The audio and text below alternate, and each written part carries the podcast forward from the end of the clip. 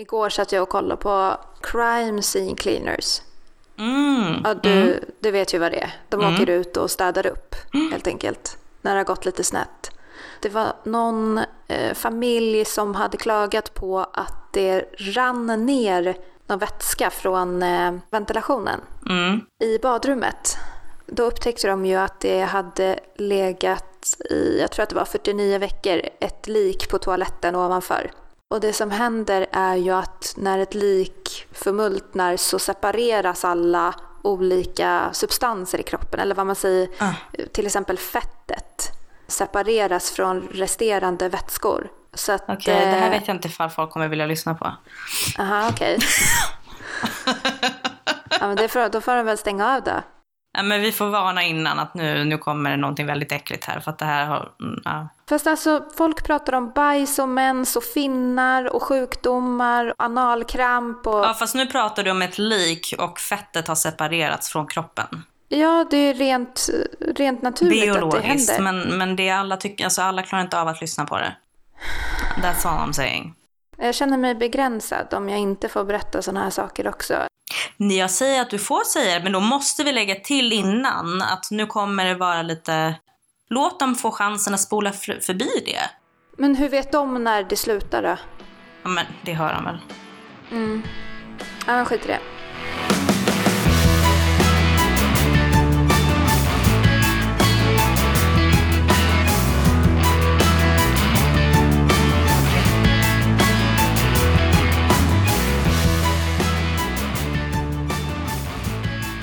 Men, men du, Ja. nu vill jag veta vad en alfahona är enligt dig. Mm. Har du funderat? Jag har funderat på vad jag menar med det. Har du funderat på det? Nej, inte så mycket. Nej. Men bra att du har gjort det. Det finns väl kanske en officiell beskrivning utav vad ordet alfahane eller alfahona betyder. När jag tänker alfahona och huruvida jag vill uppnå det, då har ju jag en speciell bild utav vad en al- alfahona är. Mm. Definitionen, om jag bara ska nämna det, är ju dominant hona i en flock djur. Mm, precis. Och det är ju inte den bilden jag har. När jag tänker att ja, ja, men alfahona, det, det är bra grejer. Då tänker inte jag dominant i en flock. Nej. Tvärtom så tänker jag mer att man eh, är så pass säker och eh, lugn i sig själv så att man inte kanske får andras respekt men att de vänder sig till en för att eh, få ens input. Eller det kanske är att man, eh, ja, men man vet om att den här eh, alfahonan då är eh, väldigt rationell eller eh, ser saker från många olika perspektiv och kommer ge dig sanningen snarare än det du vill höra. Och att man därför vänder sig till en alfahonan till exempel. Så fel. Eh, ha respekt för den personens åsikter kanske. Mm. På grund av att den är rationell och intelligent. Ja. Och... eh, För det... Ja, förlåt. Ja, nej, fortsätt. Jag ser inte alfa som, som att det behöver vara någon rationell eller intelligent person. Nej. Tvärtom nästan. Men speciellt när det gäller alfahanar. Det känns ju som alltså, klassens pajas till exempel. Eller eh, ehm, sportnissen i skolan. De behöver ju bara liksom vara, vad ska man säga, Allan Ballan. De behöver absolut inte vara emotionellt smarta. För att vara alfahane. Nej, men jag vet inte. Jag tycker inte clownen är en alfahane. Nej, nej men det är sant. Nej, det är nog sant. Jag vet inte, vi, vi, kanske har, vi kanske har olika bilder i huvudet av just under vår uppväxt också gällande alfahanar och alfahonor. Ja, Men för mig i alla fall, alfa det är ju den som alla förhåller sig till när den kommer in i rummet. Och det behöver inte vara att den är speciellt smart eller, eller vacker eller, eller rolig. Utan det är en energi som sprids i rummet att den här personen är den nu vi förhåller oss till. mm. Och jag vet inte vad det är riktigt för egenskaper som, som de här människorna besitter. Men på något sätt får de hela rummet, att de, de är i centrum. Mm. Och grejen är att jag tror också att det behöver inte vara statiskt utan det kan nog vara att i vissa sällskap så är de alfa och i vissa sällskap är de beta. Mm. Så känner i alla fall jag, att jag har olika roller i olika sällskap. Känner du att det är roller som ges till dig eller känner du att du tar olika roller i olika sällskap? Mm, både och tror jag. Det, där, det är ju ett givande och tagande tycker jag, allt det där. Ja, fast det är ju inte det. Alltså väldigt ofta så har, så har ju någon fått mycket makt för att det har givits makt till den personen. Och inte så mycket för att de har begärt det. Eller ens vill ha det. Eller eh, egentligen ens förstår att de har det.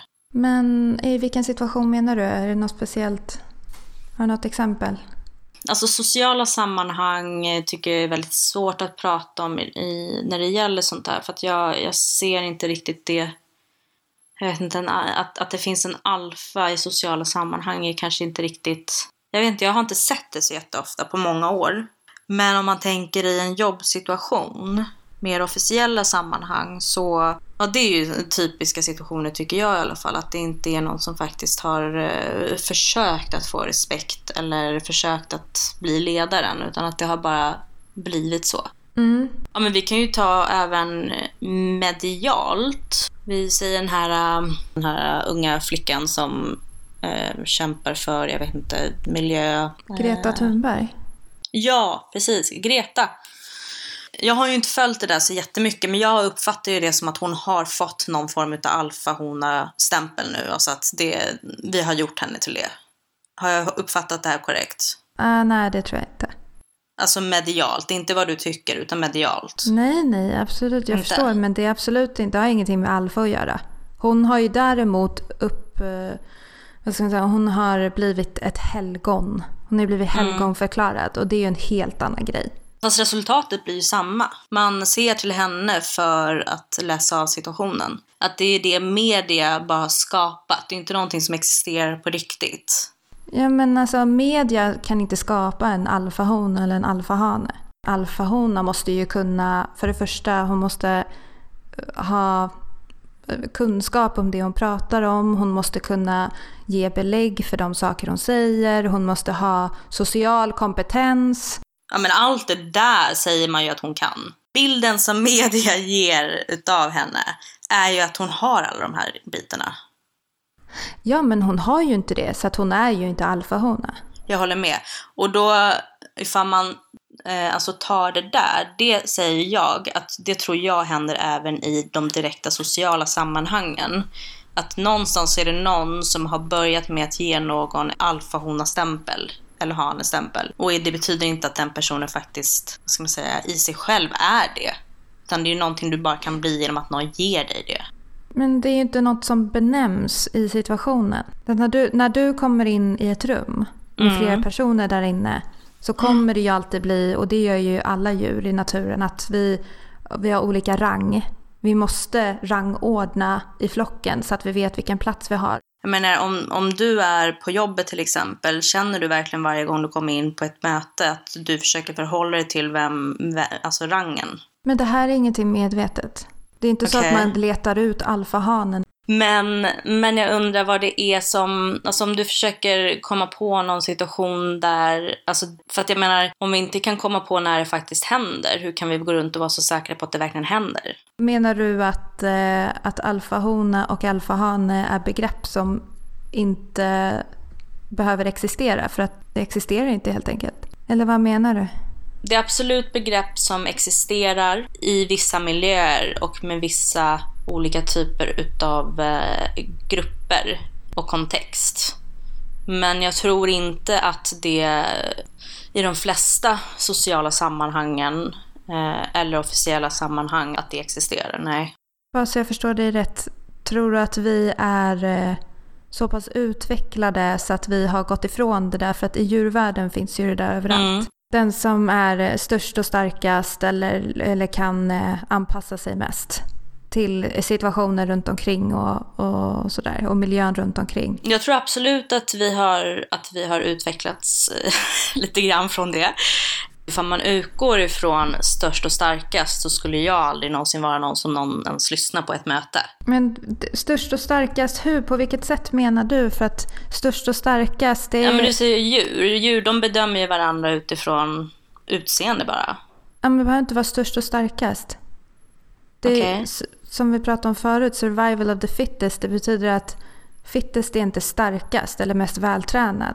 I den här aspekten, det är att du är mest anpassningsbar till situationen eller till miljön runt omkring dig. Det vill säga, du passar in bra. Då kommer du få para dig. Det kan ju hända att det är så att jag eh, antingen är så pass clueless ibland, vilket jag faktiskt kan vara, eh, att jag inte märker eh, sådana såna tecken eller sådana signaler. Eller så kanske det är för att det är jag själv som tar den rollen. Mm. Jag vet inte. Men jag märker inte de, alltså de signalerna. Det, det känns väldigt primitivt. Jag kan inte ens komma på något tecken på att sådana saker sker på en eh, regelbunden basis. Inte ens när du tänker tillbaka på situationer du har varit i. För det är oftast då man reflekterar över vilka roller man hade i just den sammansättning av människor. Jag kan tänka tillbaks... Jo, i och för sig. Det är faktiskt sant. Men den omgivningen rör jag mig inte i längre. Det är väl det. Jag tror att olika omgivningar eller grupper eller eh, kretsar kanske, eller till exempel till och med olika arbetsplatser, allting. Jag tror att de är ganska olika när det gäller sånt och jag tror att det är helt enkelt det faktum att jag, jag blir väldigt, väldigt osäker i sådana sammanhang och därför har jag helt enkelt tagit mig, alltså removed myself från den situationen eller den eh, kretsen. Så att jag tror att jag helt enkelt i slutändan har bara fortsatt välja ställen där inte det funkar så. Där det inte funkar att det... Där det inte är liksom att det alla ser upp till en person. Men det behöver inte vara att man alla ser upp till just den personen. Det är ju bara det att den personen är den som de flesta i det här rummet förhåller sig till mest. Den styr helt omedvetet. Du behöver inte ens vara medveten om det här. Och det känner man ju, alltså det kan man ju känna ifall man sitter i ett rum och det kommer in en person och helt plötsligt förändras stämningen. Det tycker jag är lite obehagligt. Varför då? Det är ju, det, men det här, alltså alfa, det är väl, det är ju någonting bra. Det är ju någon som ger harmoni i flocken. Mm, flocken. Men jag vet inte, alltså jag, ja. För att, för att om du känner obehag när det kommer in en människa som du känner att alla förhåller sig till eller att oj nu ändrades någonting. Då kan det ju faktiskt vara så att det är din rival. Nej men det där sker ju helt naturligt. Att man ger varandra roller. Och som sagt, som jag sa förut, i vissa situationer är man ju beta som fan. När var du beta sist? Nej men jag är ju nog beta för det mesta, skulle jag säga. Kan väl vara lite alfa på jobbet ibland, kanske, i vissa grupperingar. Och sen så kan jag också bli lite alfa när man är ute och träffar på andra sällskap. Så kan jag nog bli lite alfa och speciellt om man träffar på killar så tror jag att jag, blir, att jag intar en ganska alfahoneroll i det sällskapet som jag är. Åh gud, jag blir alfa gånger hundra.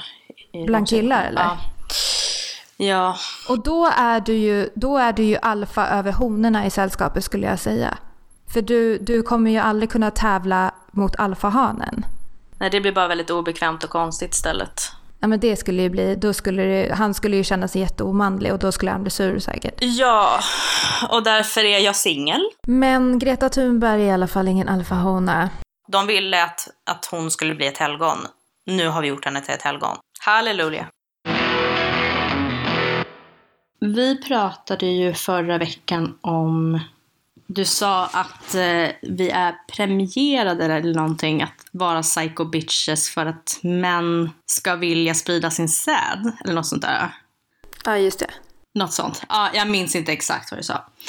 Nej. Vad gör dig till en psycho bitch? Ehm, mest svartsjuka skulle jag väl säga. Men när man, när man känner att maktbalansen i förhållandet, för det finns ju alltid en balans. Det är ju alltid någon som någon som har pyttelite mera makt men den får inte ha så pass mycket makt att det, att det blir till en negativ sak. Utan det måste ju vara en viss balans. Och när den rubbas åt ena hållet, då tror jag att jag kan bli en psycho bitch. Men rubba balans, alltså menar du att i vanliga fall så är vågen ganska jämn och sen när det börjar bli för obalanserat till det negativa då såklart, det är då du blir psycho bitch? Ja, precis. Jag är ju absolut inte psycho bitch om det rubbas åt andra hållet. Nej, då, då trivs du. Nej, det måste vara en balans. Jag trivs inte så heller. Vad gör dig svartsjuk då? Vad krävs för att, för att det faktiskt ska gå över till den nivån? Det krävs ganska mycket. Mm. Det är ju ofta när jag själv är osäker på vad vi står i relationen eller vad jag, vad jag själv känner. Eller när jag blir osäker på vad han känner. Mm. För att i min första långa relation, eller vad ska jag säga, inte långa men första gången jag var sambo med någon. Då blev jag ju svartsjuk på grund av att jag själv kände en viss tveksamhet till relationen. Om man själv är tveksam på relationen, är det då att man undermedvetet försöker provocera fram någonting genom att bli svartsjuk? Eller är det att du faktiskt på riktigt blir svartsjuk och tänker att han kanske också har ögonen på andra? Eller hur menar du? Jag intalade väl mig själv att han tyckte att en annan var intressant. Och då så kryper man, man kryper ju ner i ett stort svart hål när man blir svartsjuk. Man har ju inga gränser för vad man kan göra. En stolthet rinner ju helt av en. Ja. Det var gamla vanliga, man kollar i mobilen och så upptäcker man väl att han har raderat sms eller så och så blev det ju, ja, kaos. Jag har väl berättat för dig att jag gick på hypnos för att jag var så besatt av mitt senaste ex-mobil. Just det! Man blir så jävla förnedrad. Eller alltså man förnedrar ju sig själv så mycket. Man, man, man, man kan liksom inte lita på det som finns där i heller, i hans mobil. Nej, man kan det inte, kan det, är inte hela bilden och det säger ingenting om verkligheten. Nej. Så att det är ingen idé att hålla på och kolla i den där även. Det som gör mig helt galen är när jag inte känner mig förstådd. Ja. Det, det blir verkligen en ond cirkel. Ifall jag känner mig inte förstådd, jag känner att den andra personen nästan försöker missförstå mig. Eller vill göra mig till någonting annat än den jag är och därför sätter ord i munnen på mig. Eller ifall de faktiskt har uppfattat någonting som något helt annat än hur jag menade det. Då kan jag bli väldigt frustrerad, vilket i sin tur leder till att den personen blir väldigt frustrerad eller kanske till och med äh, kör med silent treatment. Då är det bara kaos. Så att, att inte bara bli förstådd får mig att känna eller bete mig som en psycho bitch i slutändan. Vilket såklart gör så att jag aldrig blir förstådd. så att det är inte så bra sätt att hantera det. Jag tror att det blir någon sån här panik i mig. Någon, någon ja, panik helt enkelt. Det, det, och det syns ju i sättet som man beter sig eller pratar för att man inte är riktigt helt rationell längre. Ja, nej fy fan alltså. Ja. Det är ju vidrigt. Vissa människor och vissa kombinationer utav personer gör ju så att det är bara bäddat för att det ska bli onda cirklar. Mm. Att när de där tendenserna börjar puttra upp i en själv, alltså oss då, psycho bitch-tendenserna, så behöver man ju i så fall förhoppningsvis vara då med en person som inte spär på det där. Mm. Omedvetet såklart. Det är ingen person som gör det medvetet, för det mesta i alla fall. Men om man då är med en kille, eh, i vårt fall, som eh, har ett sätt att hantera tuffa situationer som inte är helt produktivt, då, då eskalerar det ju väldigt snabbt. Så det gäller ju att vara med en person vars konflikthantering matchar sitt egna beteende. Men har du något exempel på när du har blivit en psycho bitch? Och vad som hände? Ja, eh, men utan att eh, röja namn och sådana där detaljer då såklart. Eh, och därför kommer jag inte heller berätta hur länge sedan det var eller, och så vidare. Jag kan säga att det var några år sedan i alla fall. En kille som jag skulle nog säga verkligen charmat mig. Medvetet fått mig på fall och eh, utan att tänka riktigt efter, okej okay, hur ska det här hanteras i längden? Han hade bestämt sig för att han ville inte tänka utan han ville bara ta ut och köra för att det kändes så himla bra. Och sen eh, efter en ganska kort men intensiv period på bara några månader avslutade vi slash han det. Det, det fanns ju anledningar till att han, att han avslutade. Vi, vi bodde på helt olika ställen till exempel. Det var liksom var, verkligen bara inte meant to be. Det var väldigt härligt när det varade, men det var inte hållbart i längden. Men saken var ju att jag gick ju in i den situationen med inställningen att man löser det. Mm. Det var ju så jag tänkte. Men han gick ju in i, situationen med inställningen att ja, absolut ingen alls. Det, det, som, det var det som var problemet. Att han hade absolut ingen inställning överhuvudtaget. Bara att det kändes bra just nu. Mm. Och han tyckte att det var någonting positivt tills han insåg att han kom in som en virvelvind i mitt liv och sen bara försvann. Och det visste han ju någonstans skulle hända ifall han stannat upp och tänkt till. Men han stannade ju aldrig upp och tänkte till, eller i alla fall inte tillräckligt snabbt. Så att jag hann ju bli jättekär. Mm. Och så helt plötsligt så bara försvinner det där. Så han var inte kär i dig då eller? Han var kär i mig, men utav, som sagt utav olika anledningar så kunde vi verkligen inte fortsätta det där och då. Mm. Jag var så jävla sårad och så jävla arg. Så att sakerna jag sa till honom, alltså till en viss gräns så är det klart att man ska ju säga som man känner. Men det finns ju ord och sätt som man eh, säger saker som man... Du kan aldrig ta tillbaka det. Du har liksom brutit ny mark och du kommer aldrig bli sedd på samma sätt igen utav den personen. Ja, ja. Men innan jag gjorde det så var det fortfarande lite sådär, just nu går det inte. Men vem vet vad som händer om sex eller tolv månader? Och jag visste ju det. Men jag kunde inte hantera situationen. Jag var så himla arg. Mm. Och så ledsen. Jag förstörde ganska galant någonting som kanske skulle ha varit någonting längre fram. Jag kan inte ens liksom läsa det jag skrev och jag kan inte återberätta det jag sa för att det... Det, det riktigt hemska saker tycker jag i alla fall. Det säger man inte till någon som man någonsin har brytt sig om. Nej. Å ena sidan tänker jag det skulle vara härligt att träffa honom igen bara för att vad ska man säga, be om ursäkt för mitt beteende och bara erkänna, vet du vad, jag, det, det slog slint. Och jag ber verkligen om ursäkt för det. Å andra sidan så känner jag, nej, jag skäms för mycket för att göra det med honom. Plus att jag inte riktigt heller känner att det är inte direkt så att jag vill få ut någonting utav det relationsmässigt heller. Så att det finns ju inte någon mening med det heller förutom att jag inte behöver gå runt och skämmas tänker jag. Mm. Jag vet inte, men jag tror att det är sån där grej där det är så här, men det, det är bäst att bara inse att jag betedde mig som en psycho bitch. Mm. Jag eh, fick lära mig mycket från det och eh, måste bara acceptera att när man har betett sig riktigt illa då kommer man aldrig bli sedd på samma sätt igen utav den personen. Och det är faktiskt smällar man får ta och se till att inte göra samma misstag igen. Jag tror man mår bättre av att faktiskt göra rätt i framtiden istället för att hålla på och be om förlåtelse. För de här människorna, de känner ju inte av det här. Nej, de går ju inte runt och tänker på det nu. Att bli så där galen som man blir, det är ju bara förnedrande för en själv.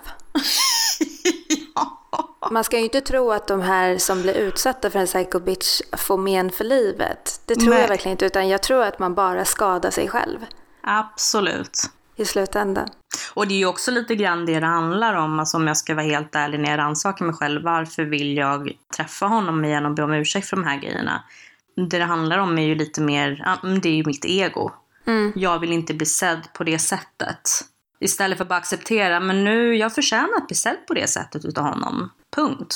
Och sen inte upprepa det. Ja, ja, och jag menar alla människor har ju ett val också, så att om du gjorde det valet att, att bete dig på det sättet, det är fortfarande så som han kommer minnas dig. Mm. Oavsett om du ber om ursäkt. Ja, gud ja.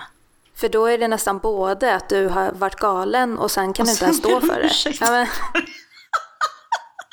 ja det, det är nästan värre. Ja, ja. Nej, det är det inte. Eller jag vet inte. ja. Men ja, jag håller med. Det är bättre att gå vidare. Ja, men det tror jag också. I Mauretanien. Där är det tydligen väldigt, väldigt viktigt att man är lite tjock. Eller ganska, ganska mycket tjock. ganska mycket tjock. Ja, men det, det är viktigt att, eh, att vara tjock om man ska kunna gifta sig. För att annars så vill ingen man ha dig. Så det de gör där är att när tjejerna är i gifta ålder, det vill säga typ sju, då eh, göder de de här tjejerna med, jag tror han räknade till 9000 kalorier om dagen.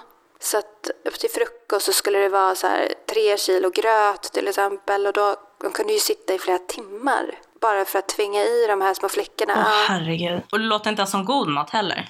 Nej, fast när jag såg på det så blev jag ju sugen såklart. För att det såg så, jag älskar ju när det är, jag älskar när det är mos av något slag. När det är något grötigt, Mm. mosat. Till exempel barnmat är ju det godaste jag vet.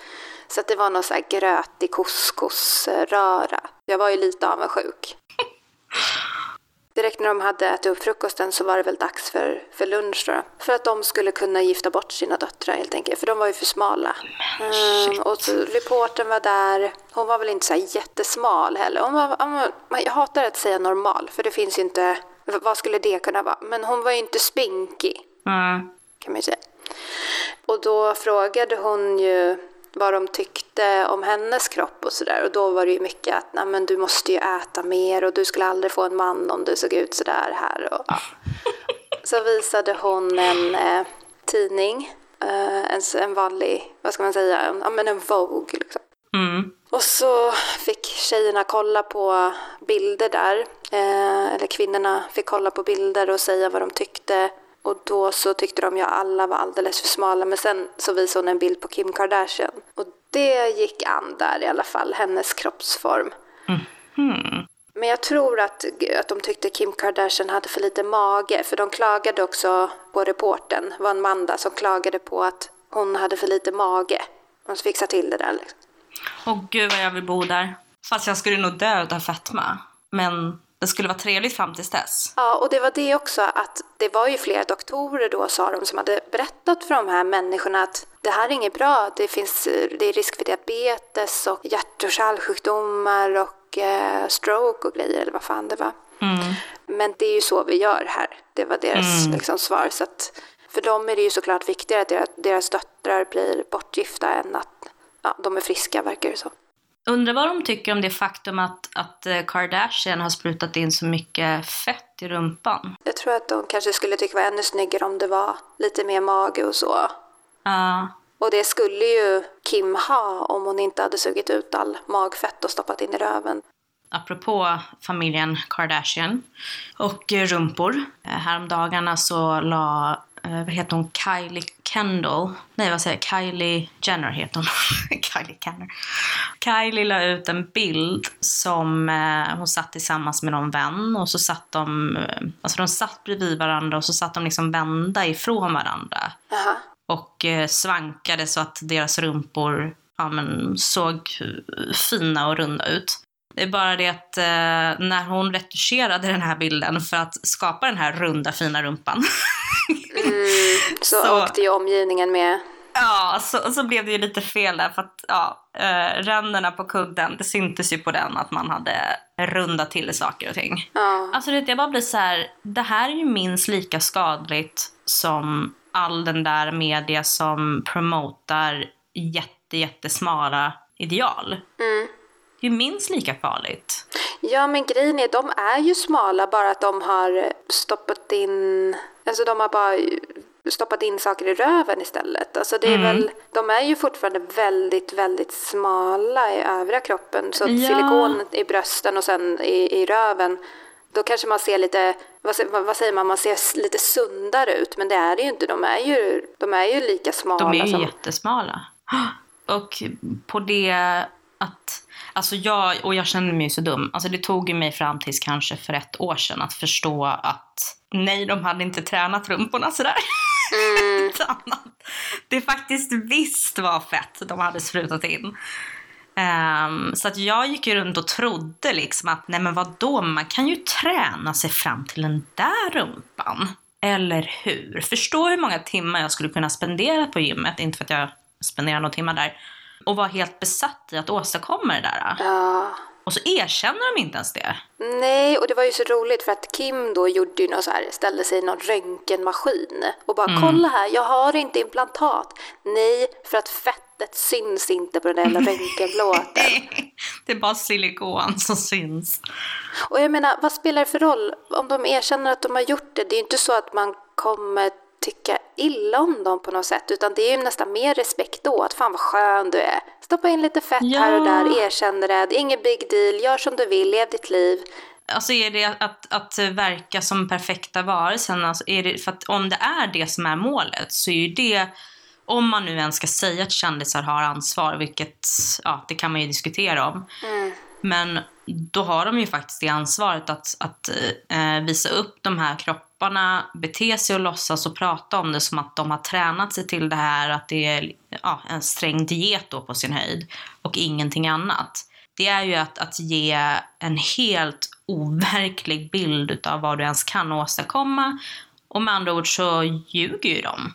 Rent fysiskt ser helt perfekta ut. Det är en del av deras image. Och varför inte bara säga då att de har opererat? Alltså, jättekonstigt. Men alltså, precis hellre att vara som till exempel Dolly Parton som erkänner allt hon har gjort. Mm. Och vad fan heter hon andra? Hon som dog, vad fan hette hon? Inte Joan... Joan Collins, eller vad hette hon? Hon var jätteplastikopererad. Var det Joan Collins eller? Jo, Collins någonting. Jag vet inte ifall hon hette Joan, men hon hette Collins efternamn. Om vi pratar om samma. Ah, nej, jag får, jag får kolla sen.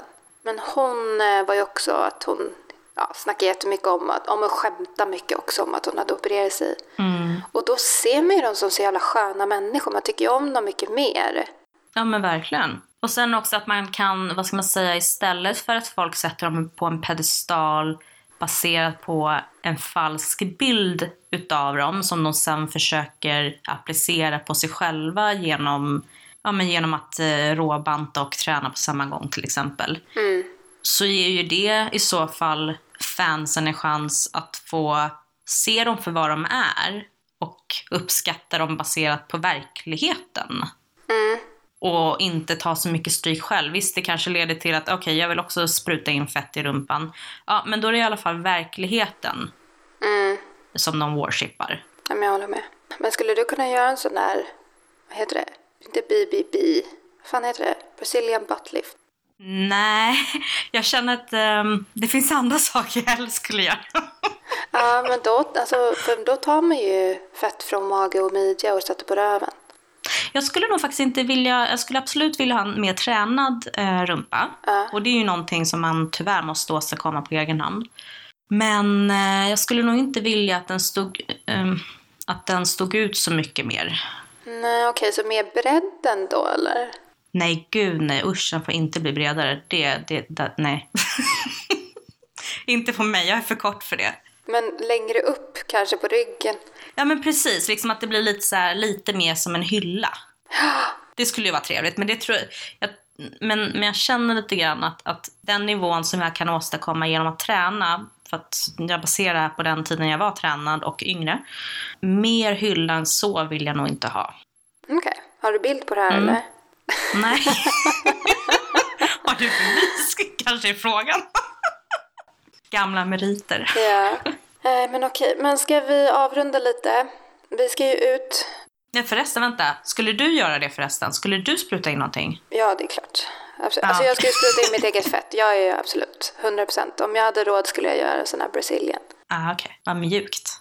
Inte sådär som Kardashian. Jag skulle inte vilja ha så stor, men jag skulle vilja omfördela lite.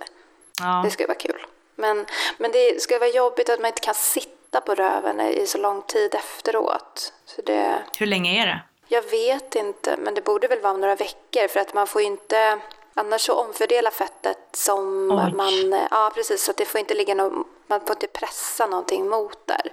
Oj, oj, oj. För då blir det omfördelat på fel sätt. Så att fettcellerna måste läka ihop på rätt sätt först. Så att du får inte, du får inte sitta på röven i ett par veckor åtminstone tror jag. Alltså det är så sjukt. Verkar jobbigt. Det låter jättejobbigt, men eh, ja, jag får hjälpa dig under den perioden helt enkelt. Ja, tack i förskott. Jag får, jag får typ också, vad heter det, eh, linda bandage eller någonting runt rumpan så att, så, här, så att den blir rund. Mm. Så att den formas rund. Jag måste nästan ha som en form. Som så här en jättestor så här muffinsform med två som jag får sitta i. Det lär de ju göra, det måste de ju göra. Ja, ja. Nej, men då vi, vi fortsätter nästa vecka. Ja, men det gör vi. Så hörs vi lite senare du och jag. Det gör vi. Okej, puss puss. Hej då.